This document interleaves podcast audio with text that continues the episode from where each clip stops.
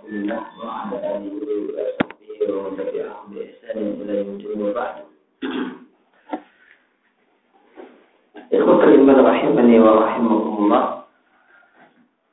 Ada dua hal yang akan disampaikan oleh Saudara Abdul Zaid rahimahullah ta'ala berkaitan dengan gerakan emansipasi wanita di dunia Arab kalau Rahimahullah ta'ala al-amru al-awwal.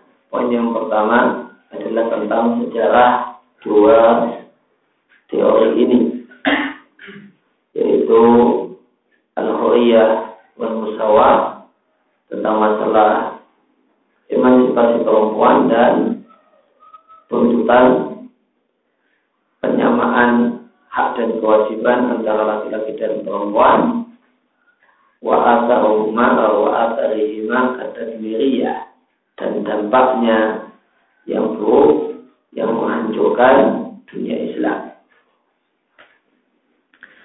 Liulang adalah diketahui bahasanya seruan untuk eh, tahrir marah atau emansipasi perempuan eh, yang untuk yang emansipasi perempuan ini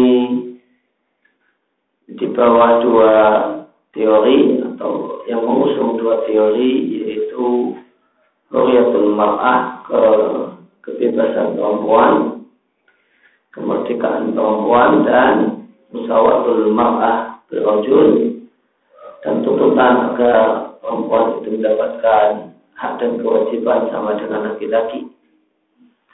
Dua uh, pemikiran ini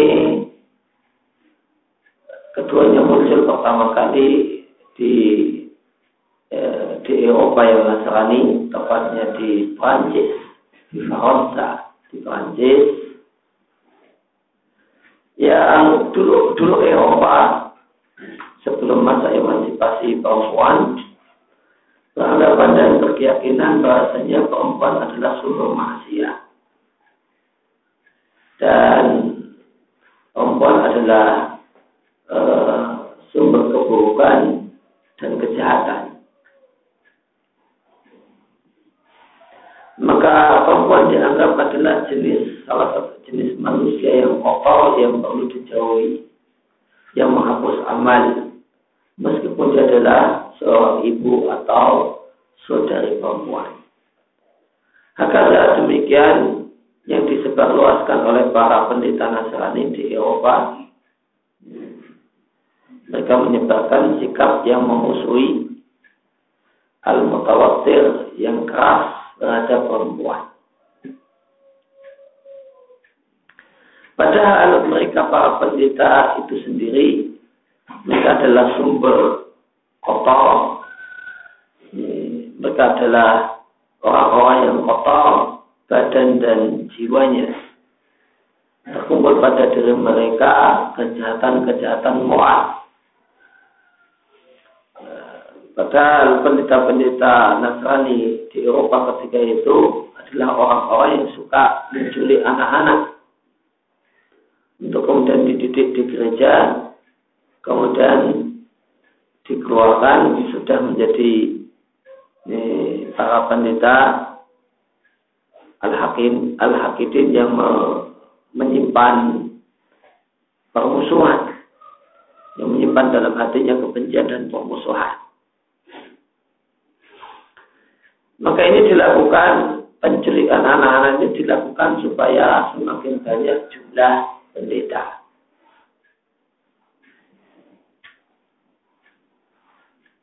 Wakawanu jam'an muhawalan maka mereka membentuk e, perkumpulan pendeta yang demikian mengerikan, yang demikian banyak jumlahnya di hadapan pemerintah dan di hadapan ya, rakyat biasa.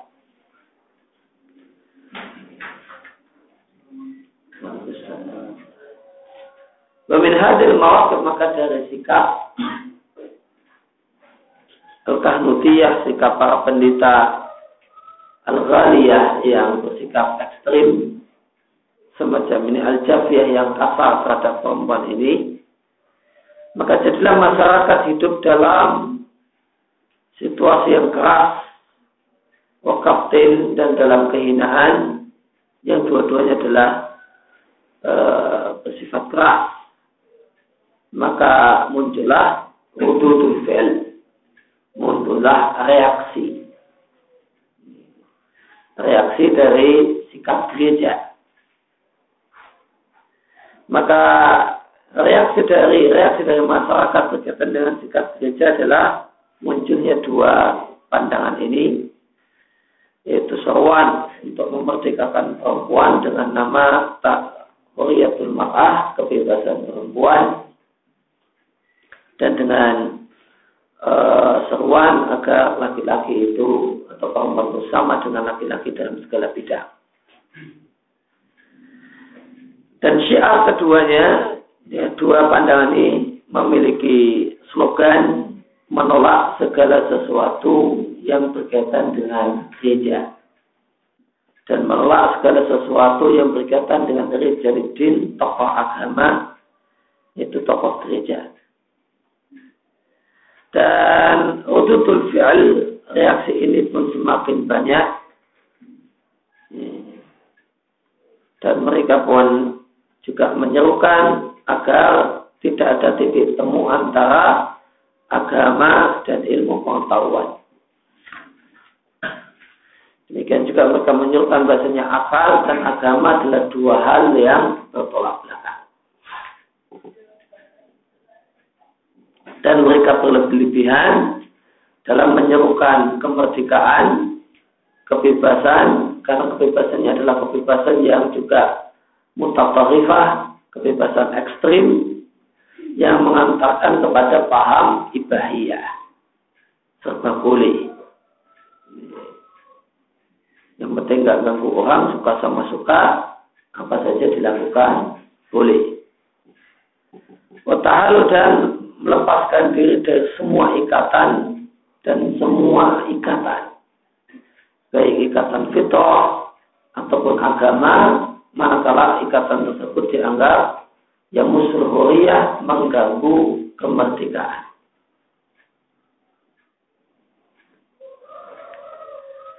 Maka seruan untuk uh, kebebasan perempuan ini torot lewat batas sampai-sampai menyerukan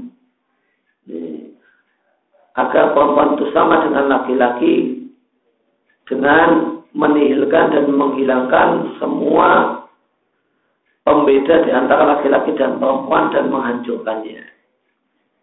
Baik pembedaan tersebut karena alasan agama ataupun alasan sosial.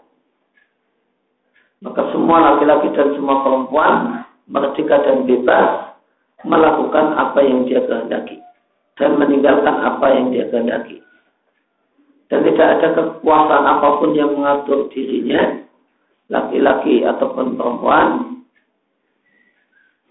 lan eh, lidinin baik itu kekuasaan agama, kekuasaan adat, akhlak, wasultan ataupun penguasa. Maka sampailah kondisi Eropa Waman uh, wamin waraihima dan dua Amerika, Amerika Utara dan Amerika Selatan, dan negara-negara kafir yang lainnya sampailah dalam kondisi al-ibahiyah di masyarakat tersebar paham serba boleh permisif yang penting suka sama suka maka apa pun boleh dilakukan.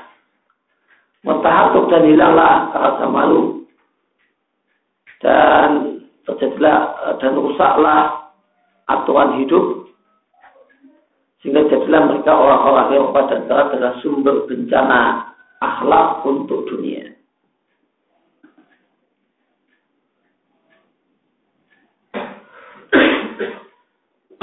Kemudian sesungguhnya tuntutan yang menyimpang yaitu tuntutan emansipasi perempuan dengan pemahaman dan pengertian yang sesat sebagaimana uh, telah dijelaskan yang memiliki dua mengusung dua hal.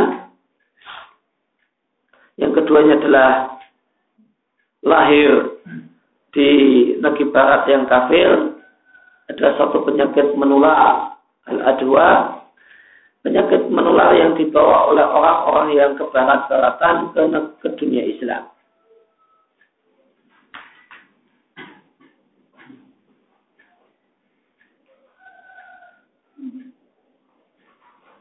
Maka apa yang terjadi tentang maka bagaimanakah sejarah ini, awal mula penyebaran paham emansipasi ini awal mula yang jelek ini alat kolabat yang uh,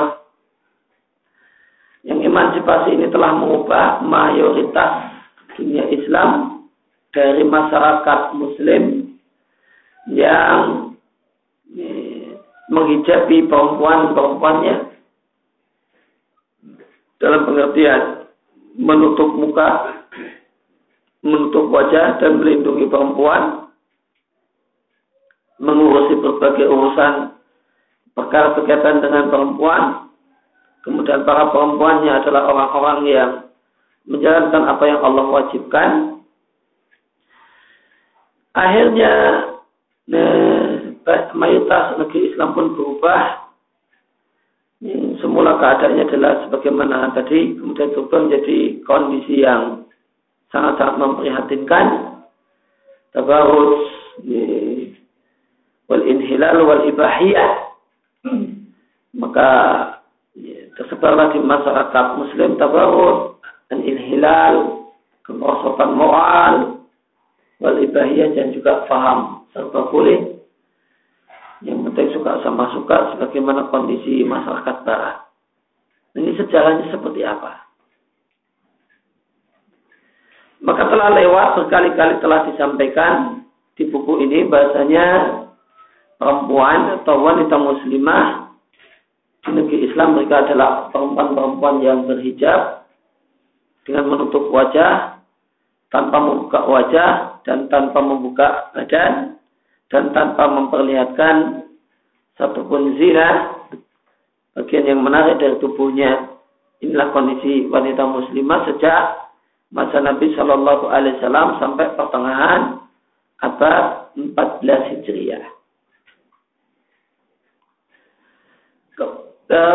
Kemudian keadaan itu mulai berubah alam masyarif inhilal di detik-detik keuntungan negeri Islam di akhir separuh pertama dari abad 14. Itu yang dimaksud dengan Daulah Islamiyah di sana adalah eh, kerajaan Utsmaniyah.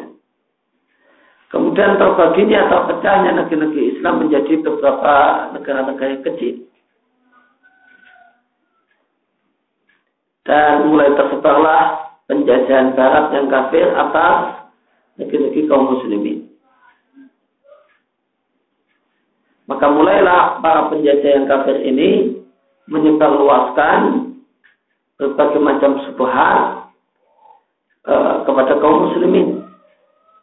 Dan para penjajah kafir ini pun mulai berupaya untuk mengubah rakyat yang semula min sibratil Islam tercelup dengan celupan Islam terwarna dengan warna Islam berubah terwarnai dengan warna kekafiran wal inhilal dan kehancuran moral.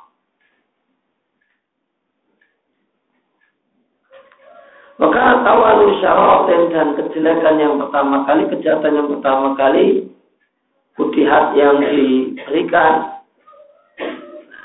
yang disodorkan untuk menghancurkan umat Islam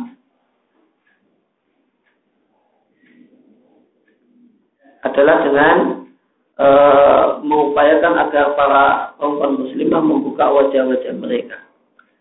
Nah, upaya pertama kali ini terjadi di Ardul Kinana, di bumi Kinana, yaitu maksudnya di Mesir. Ketika penguasa Mesir yang bernama Muhammad Ali Pasha mengirimkan buur, mengirimkan utusan, mengirimkan rombongan ke Perancis Lita'alum dalam rangka untuk belajar studi di Perancis. Berkaitan dengan uh, Muhammad Ali Pasha ini bisa dikatakan gubernur Mesir dari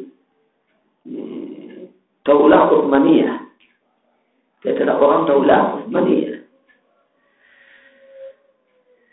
E, ada catatan kaki tentang makna Pasha. E, apakah Anda mengetahui bahasanya gelar Al-Pasha itu makna aslinya adalah Nahlu Sultan. Sandal sang raja. Wa dalil mustaqab ini adalah bukanlah satu hal yang asing untuk orang-orang ajam karena kebanyakan mereka berlebihan Waisok dan berlebihan dalam masalah gelar. Uh, maka Muhammad Ali Pasha ini di akhir-akhir Daulah Utsmaniyah ketika itu masih masih di bawah Daulah Utsmaniyah mengirimkan rombongan belajar untuk belajar ke Perancis.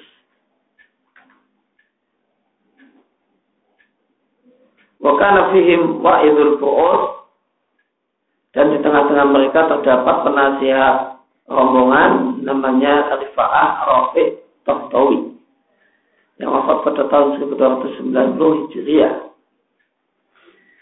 Nah, Rifa'at Rafiq Tahtawi ini setelah dia kembali dari Prancis ke Mesir, dialah yang menebarkan benih pertama seruan emansipasi perempuan.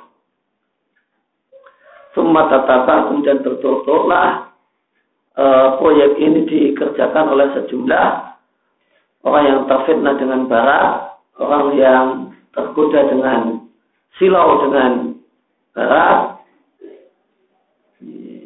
Ini adalah mustarofin dari kalangan kaum muslimin yang kebarat-baratan ditambah orang kafir Nasrani. Nah, di Mesir banyak Nasrani, Nasrani apa Yukti.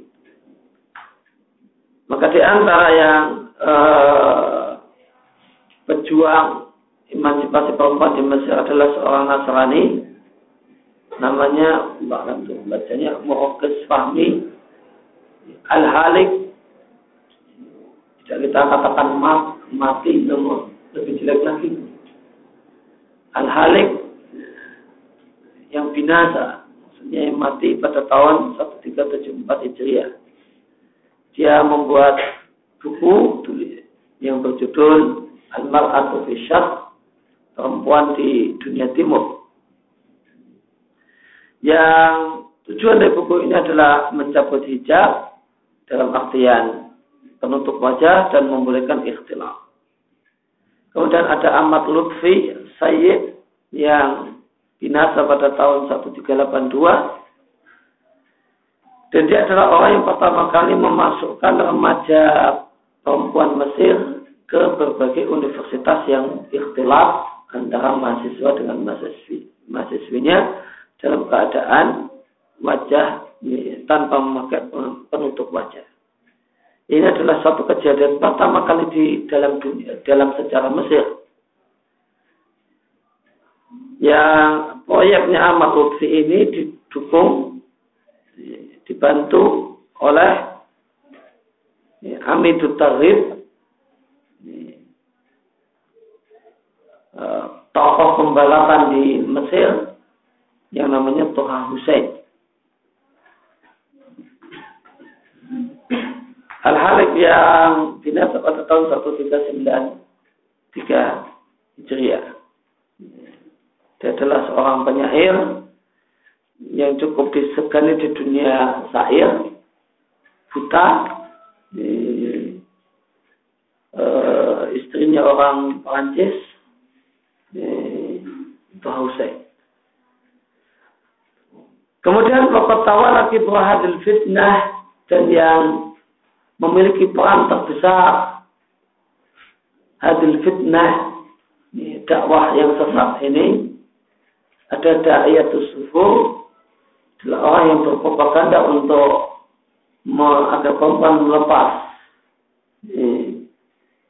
penutup wajahnya adalah seorang yang bernama Qasim Amin yang binasa pada tahun 1326 Hijriah. Dia menulis buku judulnya Tahrirul Mar'ah, Emansipasi Perempuan. Nah buku ini muncullah ditahu sebagai bantahan untuk buku ini mu'awadatul ulama bantahan penentangan dari para ulama sampai-sampai sebagian ulama Mesir ketika itu memfonis murtadnya Qasim Amin Para ulama yang menentang upaya Qasim Amin ini muncul dari para ulama yang ada di Mesir, Syam, dan Irak.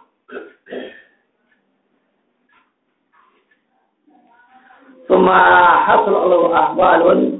Kemudian terjadilah beberapa kondisi pada diri Qasim Amin ini yang menyebabkan kemudian uh, istriha setelah kondisi tersebut keadaan tersebut Qasim Amin kemudian menulis satu buku yang judulnya dalam bahasa Arab Al-Mar'atul Jadidah perempuan yang baru. Isinya adalah upaya untuk mengubah muslimah menjadi wanita Eropa.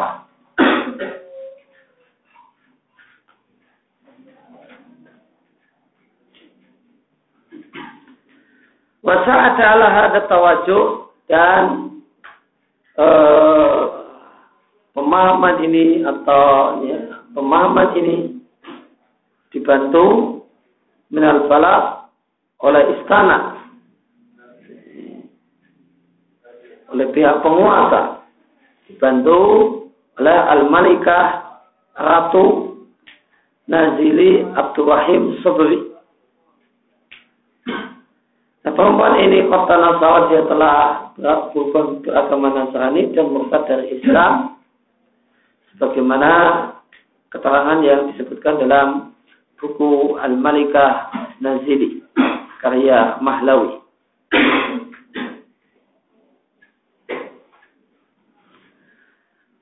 Nah kalau uh, upaya-upaya di atas tadi baru wacana dan teori. Adapun munafik orang yang mempraktekkan pemikiran Qasim Amin adalah da'iyatus sufur orang yang mengembang-kembangkan perempuan agar meninggalkan cadar seorang bernama Sa'ad Zahlul yang binasa pada tahun 134 6 Hijriah dan saudara kandungnya Ahmad Fathi Zahlul. Sumatera kemudian muncullah gerakan perempuan di Kairo yang menuntut emansipasi perempuan. Pada tahun 1337 Hijriah, gerakan perempuan ini dipimpin oleh seorang bernama Haji Sa'awi. Ada organisasi perempuan, gerakan perempuan, pertama kali pertemuan gerakan ini adalah dilakukan di satu gereja, gereja Markosiyah di Mesir. Dan perlu diketahui bahasanya hadis Sa'rawi ini adalah perempuan Mesir pertama, perempuan Mesir muslimah pertama yang melepas cadarnya, penutup wajahnya. Ma'udzubillah minasyaqa. Dalam satu kejadian, satu peristiwa, satu tragedi yang tamtali an-nufusa min hasratan wa asan yang menyebab yang menyebabkan hati uh, orang-orang uh, yang beriman itu dipenuhi dengan penyesalan dan kesedihan. Yaitu ceritanya bahasanya orang yang namanya Sa'ad Zakhlun tatkala dia pulang dari Inggris, Britania eh, dalam keadaan telah tercetak di Inggris, tercetak pada dirinya semua uh, pemahaman-pemahaman pikiran-pikiran yang bisa merusak Islam. Maka ketika Saad Zakhlul ini pulang dari Inggris kembali ke Mesir, dibuatlah istiqbalihi dalam rangka menyambut kedatangannya so, uh, dua tenda satu tenda untuk laki-laki yang menyambut dan satu tenda untuk perempuan. Maka tatkala saat Zahlul ini turun dari pesawat, maka dia malah bersengaja menuju tenda perempuan yang berhijab dan bercadar. Dan e, dia disambut oleh hati Sa'rawi dengan e, dengan cadarnya. Yang tujuannya adalah supaya cadar tersebut kemudian dilepas oleh si saat Zakhlul. Sama daya jauh maka saat Zakhlul pun menjulurkan tangannya betapa celakanya keduanya. Fanaza al-hijab an wajihah lalu uh, saat Zakhlul pun melepas penutup wajah dari wajah si Hadi Sa'rawi. Lalu setelah itu semuanya pun bertepuk tangan dan semua perempuan yang ada di tempat itu secara serentak melepas penutup wajah mereka. Memang berarti sudah direncanakan untuk bikin uh, peristiwa yang mengejutkan dunia Arab ketika itu. Kemudian hari yang menyedihkan yang kedua berkaitan dengan masalah hijab penutup wajah adalah kasusnya Sofia binti Mustafa Fahmi yang dia adalah istrinya Sa'ad Zahlul. Yang Sofia ini bernama setelah dia nikah dengan Sa'ad Zahlul bernama dengan nama Sofia Hanim Sa'ad Zahlul. Sebagaimana mengikuti trennya orang-orang Eropa yang menasabkan para istri kepada suaminya.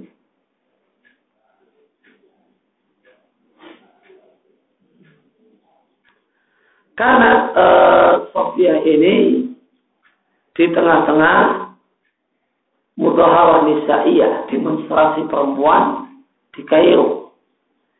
Yang demonstrasi tersebut dilakukan di depan gedung Anil. Maka perempuan ini uh, di tengah-tengah demonstrasi dia melepas penutup wajahnya bersama perempuan-perempuan lain yang melepas penutup wajahnya. Lalu penutup wajah tersebut mereka injak dengan menggunakan di telapak kaki telapak kaki mereka. Kemudian mereka bakar dengan menggunakan api. Ini dilakukan di di, di satu di lapangan eh, yang kemudian setelah kejadian ini lapangan tersebut disebut Medan Tahrir. Disebut lapangan Tahrir. Kemarin jadi pusat eh, demo saat revolusi Mesir. Maka dia disebut Tahrir itu. Maka kalau berdasarkan cerita ini bukan kemerdekaan dalam artian kemerdekaan Mesir namun tahrirul ma'ah emansipasi perempuan lapangan emansipasi perempuan karena perempuan dengan beraninya nyopor di penutup wajahnya diinjak-injak setelah itu dibakar di lapangan ini. Wah kata dan demikianlah berturut-turut banyak orang-orang eh, celaka dari Mesir, tokoh-tokoh emansipasi, penggerak emansipasi ada namanya Ihsan Abdul Kudus, Mustafa Amin, seorang penyair Mesir Najib Mahfud demikian juga Toha Hussein demikian dari Nasrani Mesir ada uh, Sibli Sumayil Farah Antun Na'udzubillah minasyaiqaq wa ahli. Kita berlindung pada Allah dari kebinasaan dan orang-orangnya. Ya'ziruhum yang mendukung mereka ini para tokoh-tokoh emansipasi ini dalam rangka mensukseskan e, makar mereka untuk Islam dan kaum muslimin yang paling mendukung mereka adalah media massa. Itkan maka media massa adalah ula wasail adalah sarana pertama untuk menyebarkan kesesatan ini. Sampai-sampai e, terbit di Mesir satu majalah namanya Majalah Tusufuh majalah anti penutup wajah pada tahun 1318 Hijriah. Kemudian Hawala kemudian bersegeralah bergegaslah para penulis Al-Majnun yang tidak memiliki rasa malu bergegas menulis berbagai artikel mereka yang intinya adalah mutalabah tuntutan yang menguatkan as-sufu dibukanya wajah dan menguatkan berbagai kerusakan. Yang tulisan tersebut adalah menyerang nilai-nilai luhur, akhlak melalui berbagai sarana untuk untuk merusak umat Islam sebagai berikut. Maka media ketika itu berupaya untuk merusak masyarakat dengan cara, dengan bentuk uh, menyebarkan, menyebarluaskan foto-foto perempuan Al-Fatihah yang dalam keadaan tidak tutup Allah yang memalukan. Kemudian mencampur antara perempuan dan laki-laki dalam acara dialog dan diskusi. Watas, uh, dan kemudian ada uh, titik tekan untuk menyebarluaskan perkataan yang baru yang datang dari barat yaitu maka ditanamkanlah ke masyarakat maka media menanamkan ke masyarakat slogan al-mar'atu syariqatul rajul. Wanita adalah partner laki-laki. Artinya apa maksud kalimat ini? Maksud adalah menunjukkan agar al-musawah ada kesamaan hak dan kewajiban antara laki-laki dan perempuan. Apa yang menjadi hak laki-laki itu juga menjadi hak perempuan. Demikian pula di uh, artikel-artikelnya pemedia ini berupaya untuk tasfih qiyamul rajul ala marah. Menyebarkan uh, image adalah satu kebodohan eh, laki-laki kok memimpin perempuan. Perempuan mau dipimpin laki-laki. Demikian juga e, mengompor-ompori perempuan dengan menyebarluaskan mode pakaian yang baru. Jadi al tren atau mode pakaian yang baru pakaian baru tersebut haliyah pakaian yang telanjang yang tidak menutup aurat Demikian juga memotivasi perempuan agar menggunakan jasa mahalat kawafir berbagai macam salon. Kemudian dibuatlah di kolam renang khusus perempuan. Di tempat kita kolam renang perempuan itu dianggap nah, upaya Islamisasi. Padahal ini bagian dari proyek uh, bagian dari proyek pengurusan perempuan. Ini di antara proyek uh, tokoh-tokoh emansipasi Arab. Semula perempuan itu tidak kumpul, tidak saling buka Allah uh, dengan alasan renang. Maka mereka buat kolam renang khusus perempuan. Ini adalah bagian dari upaya untuk merusak perempuan. Sehingga eh, perempuan terbuka eh, buka awal seenaknya dengan alasan eh, di antara sesama perempuan.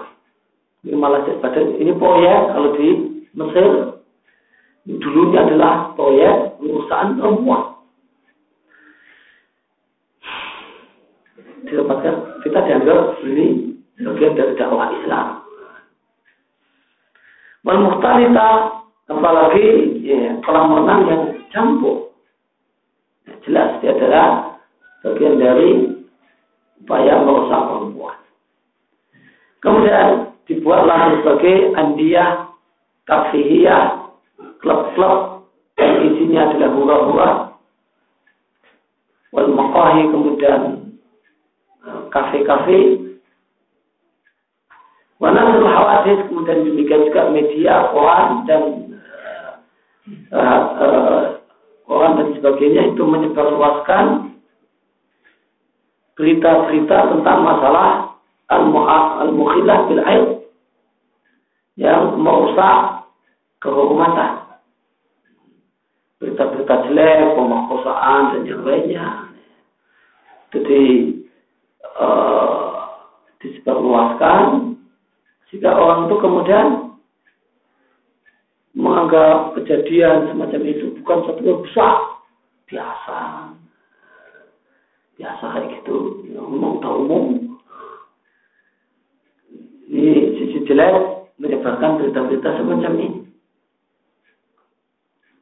Demikian juga mengeluh-elukan al-mumasilah, artis perempuan, wal para penyanyi perempuan, wa raida filfan wal funun al jamilah dan tokoh-tokoh e, seni wal funun jamilah dan berbagai seni-seni keindahan. Ini upaya media uh, yang dilakukan uh, upaya yang dilakukan oleh media untuk mendukung proyek pengusahaan perempuan di Mesir.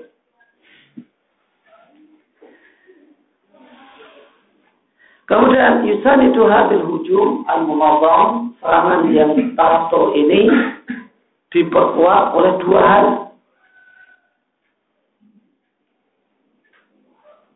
Pertama isnaduhum minat terakhir kuatnya mereka dari sisi dalam kemudian lemahnya perlawanan para dai.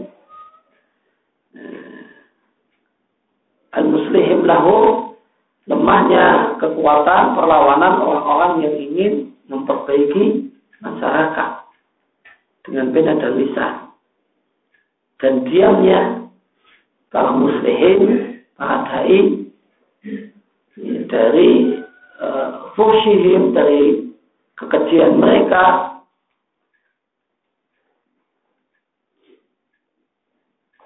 wanasil fahisha dan menyebarluaskan berita-berita tentang hal yang keji atau menyebarluaskan kekejian. Wa iskati ta'fil akhar.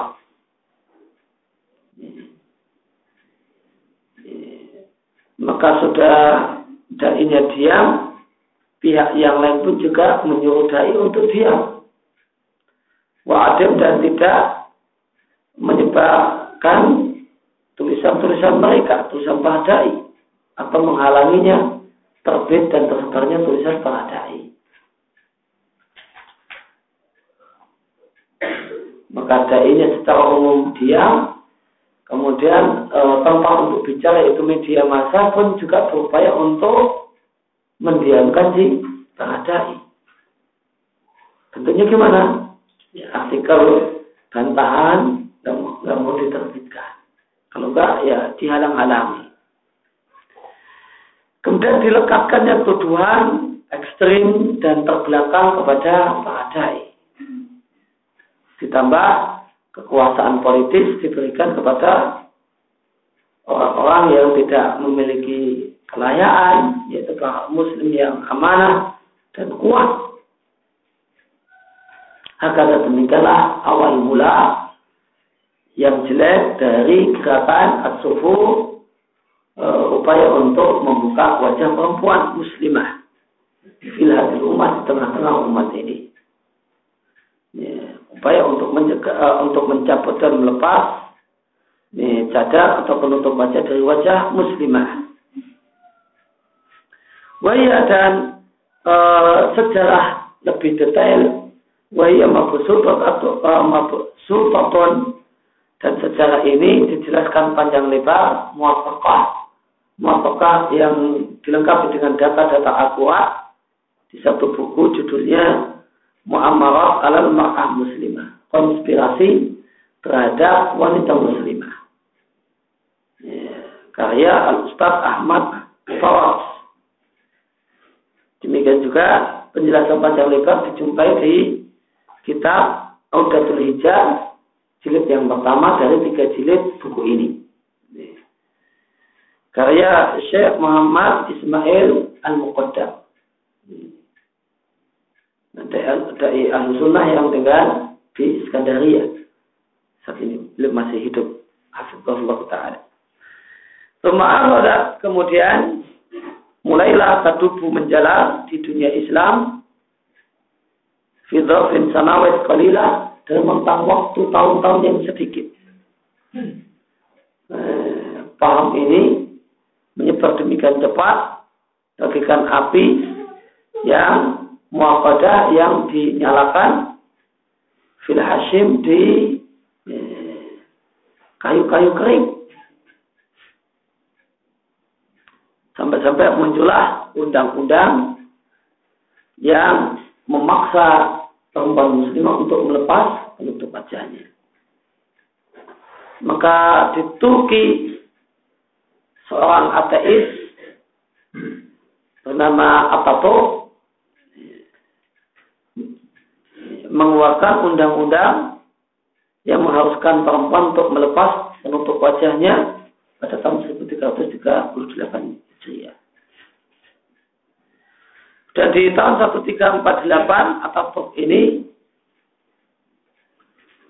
mengeluarkan undang-undang sipil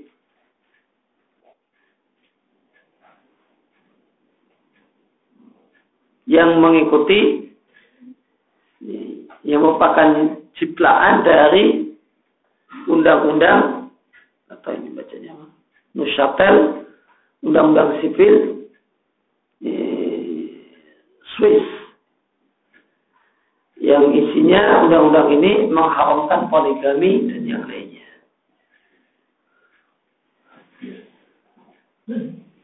Maka dalam uh, rentang waktu yang singkat, eh, Ja'ala Kamal ini telah berhasil mengubah perempuan Turki itu menjadi seakan-akan saudara kandung perempuan Swiss.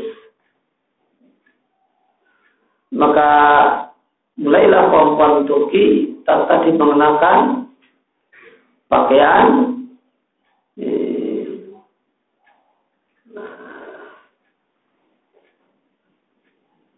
sahara, pakaian yang menampakkan pundak dan punggung.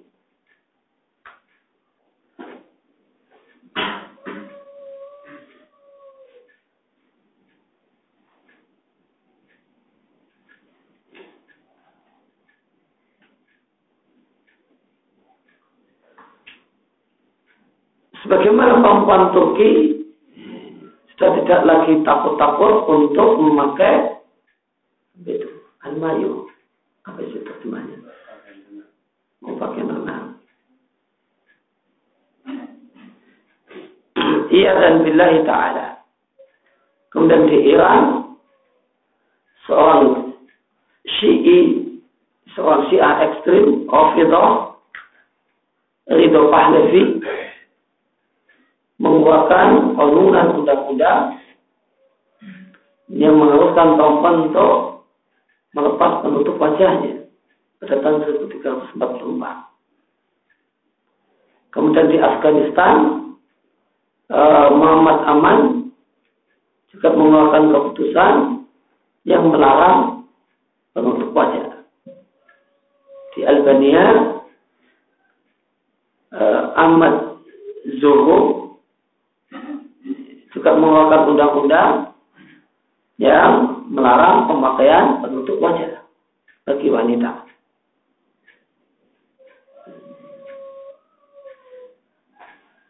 Yang karena naiknya amat zuhur ini menjadi penguasa Albania inilah yang mendorong Bapak dari sama Nasir Sudan Al-Albani untuk hmm, berhijrah meninggalkan Albania kemudian pindah ke eh, ke Suriah.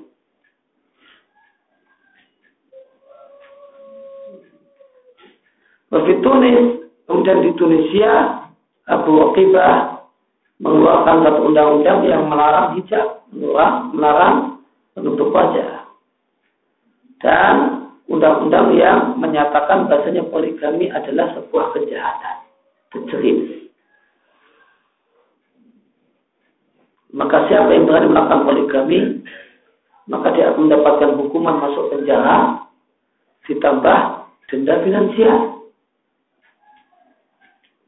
Sebagaimana Abu Aqibah ini mengeluarkan keputusan-keputusan yang memusuhi syariat Islam. Semisal dia bikin keputusan itulah uh, memberikan kemerdekaan penuh kepada perempuan jika dia telah menginjak umur 20 tahun. Merdeka penuh sehingga dia boleh menikahkan dirinya sendiri tanpa persetujuan bapak dan ibunya.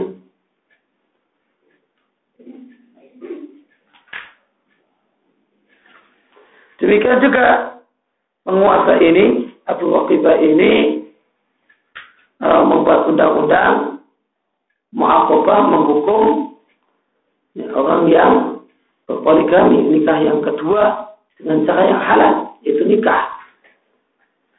Kalau nikah untuk kedua kalinya dengan cara yang halal dihukum. Namun dia akan membebaskan orang yang punya istri simpanan sepuluh sekalipun bil haram asalkan itu tidak pakai nikah.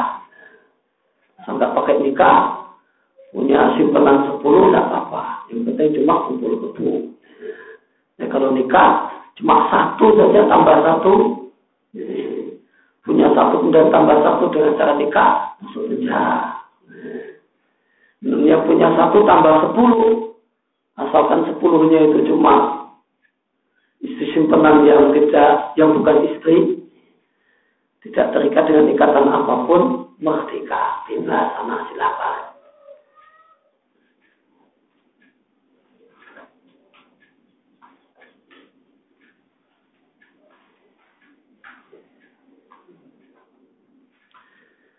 Kemudian di uh, Setelah Zaid rahimahullah ta'ala menyatakan bahasa di, di majalah Al-Arabi dalam satu majalah namanya Al-Arabi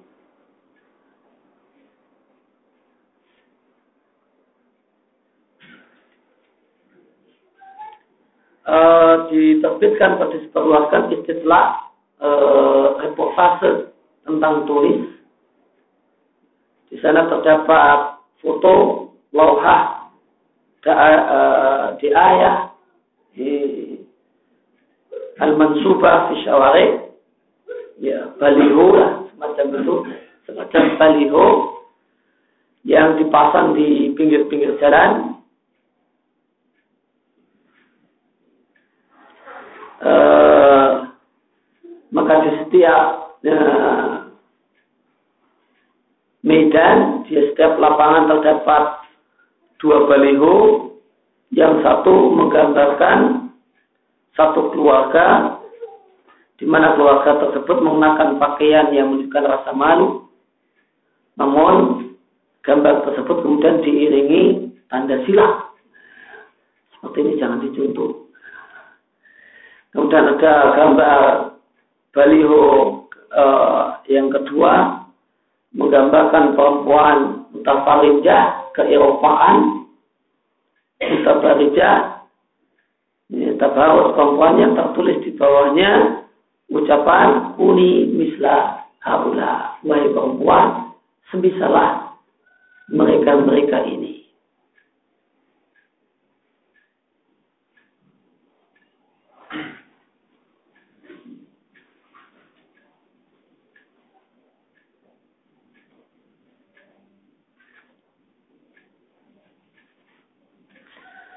Walid Allah karena itu seorang penyair Irak Muhammad Bahjat Al-Asari yang wafat pada tahun 1416 dia membuat syair untuk Abu Okibah ini yang di sana beliau katakan Abu Okibah lam tadat lahu okobah Abu Okibah semoga uh, tidak panjanglah umurnya tidak panjanglah lehernya.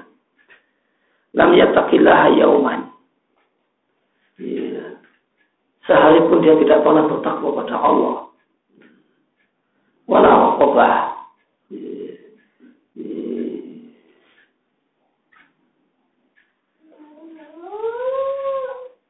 tidak pula apa bermakna aslinya leher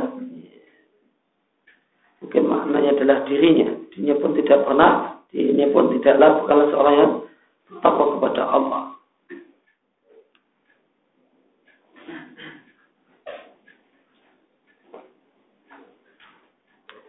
Wakana mutawali kibroha dan orang yang paling berat, paling besar perannya untuk merusak wanita muslimah di Tunis Huwa adalah dia Abu Rokobah dan yang lainnya di antaranya adalah seorang yang bernama At-Tahir Al-Haddad. Dia e, ketika dia menulis buku judulnya Imra'atan Im, Imra'atuna fi syariah wal mujtama. Wanita kita dalam pandangan syariat dan masyarakat. Dalam buku ini dia menyerukan tahrir mar'ah, emansipasi perempuan. Namun ada yang mengatakan buku ini bukan tulisan dia, namun tulisan seorang Nasrani yang namanya Al-Absalam. takmiluhu at-tahir al-hadat namun dibawa oleh tahir al-hadat. Wa fi akhirihi di akhir buku tersebut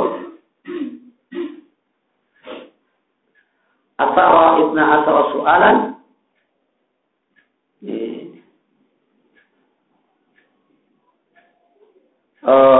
menimbulkan e, 12 pertanyaan. Ajaba alaiha ada jumlah muftin. Yang dijawab, uh, yang dijawab oleh sejumlah uh, mufti. Waqad hakama alaihi mufti al-malikiyah. Uh, dan dua mufti malikiyah yang ada di Tunis telah memfonis dia. Bil mu'minadin murtad keluar dari agama. Ya, madhab yang berkembang di Tunis itu Maliki. Sehingga muftinya mufti Maliki. Dengan sebab fatwa ini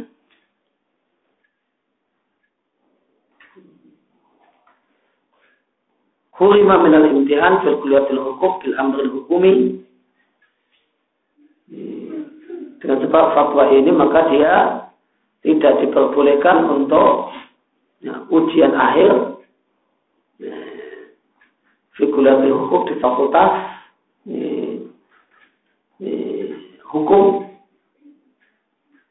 bil ambil hukumi yang ini keluar berdasarkan eh, ambil hukumi keputusan resmi negara. Suma usibah bila uzlah kemudian dia dicopot jabatannya, pekerjaannya. Wanabatu anas dan masyarakat pun eh, menjauhinya disebabkan bukunya itu. Akhirnya dia mati pada tahun 1353 Hijriah tanpa ada satupun orang yang mengiringi jenazahnya kecuali cuma anggota keluarganya dan sejumlah teman-temannya.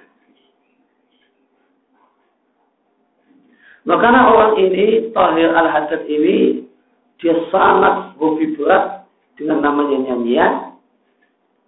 Dan dia adalah orang yang punya hobi bolak-balik ke kafe.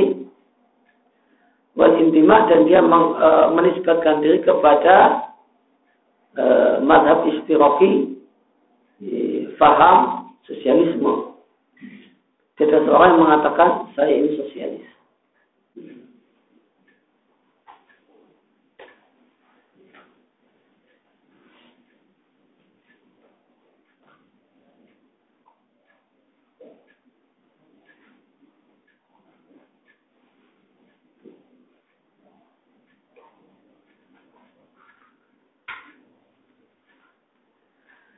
Wa mazalu kadzalika maka demikianlah terus menerus kondisi rakyat Tunis. Hatta tahawwalat Tunis sehingga Tunis pun berubah menjadi seakan-akan badan yang sakit. Sakitnya adalah sufu buka-buka wajah wal dan buka-buka aurat Watasid uh, dan Anda bisa jumpai penjelasan tentang rincian gerakan sesat ini, gerakan pengusahaan ini pada buku yang judulnya Al-Hijab wal Ifah kita satu buku yang tidak menyenangkan yang bukan satu buku yang tidak membahagiakan. Buku tersebut ada 400 halaman menceritakan tentang detail gerakan pengusahaan perempuan di Tunis. Fa inna lillahi wa inna ilaihi raji'un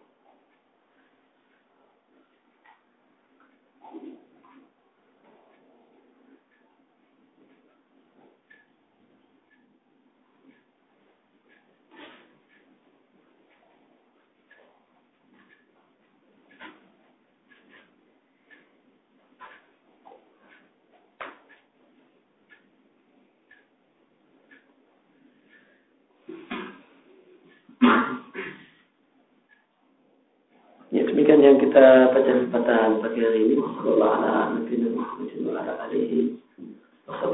wabarakatuh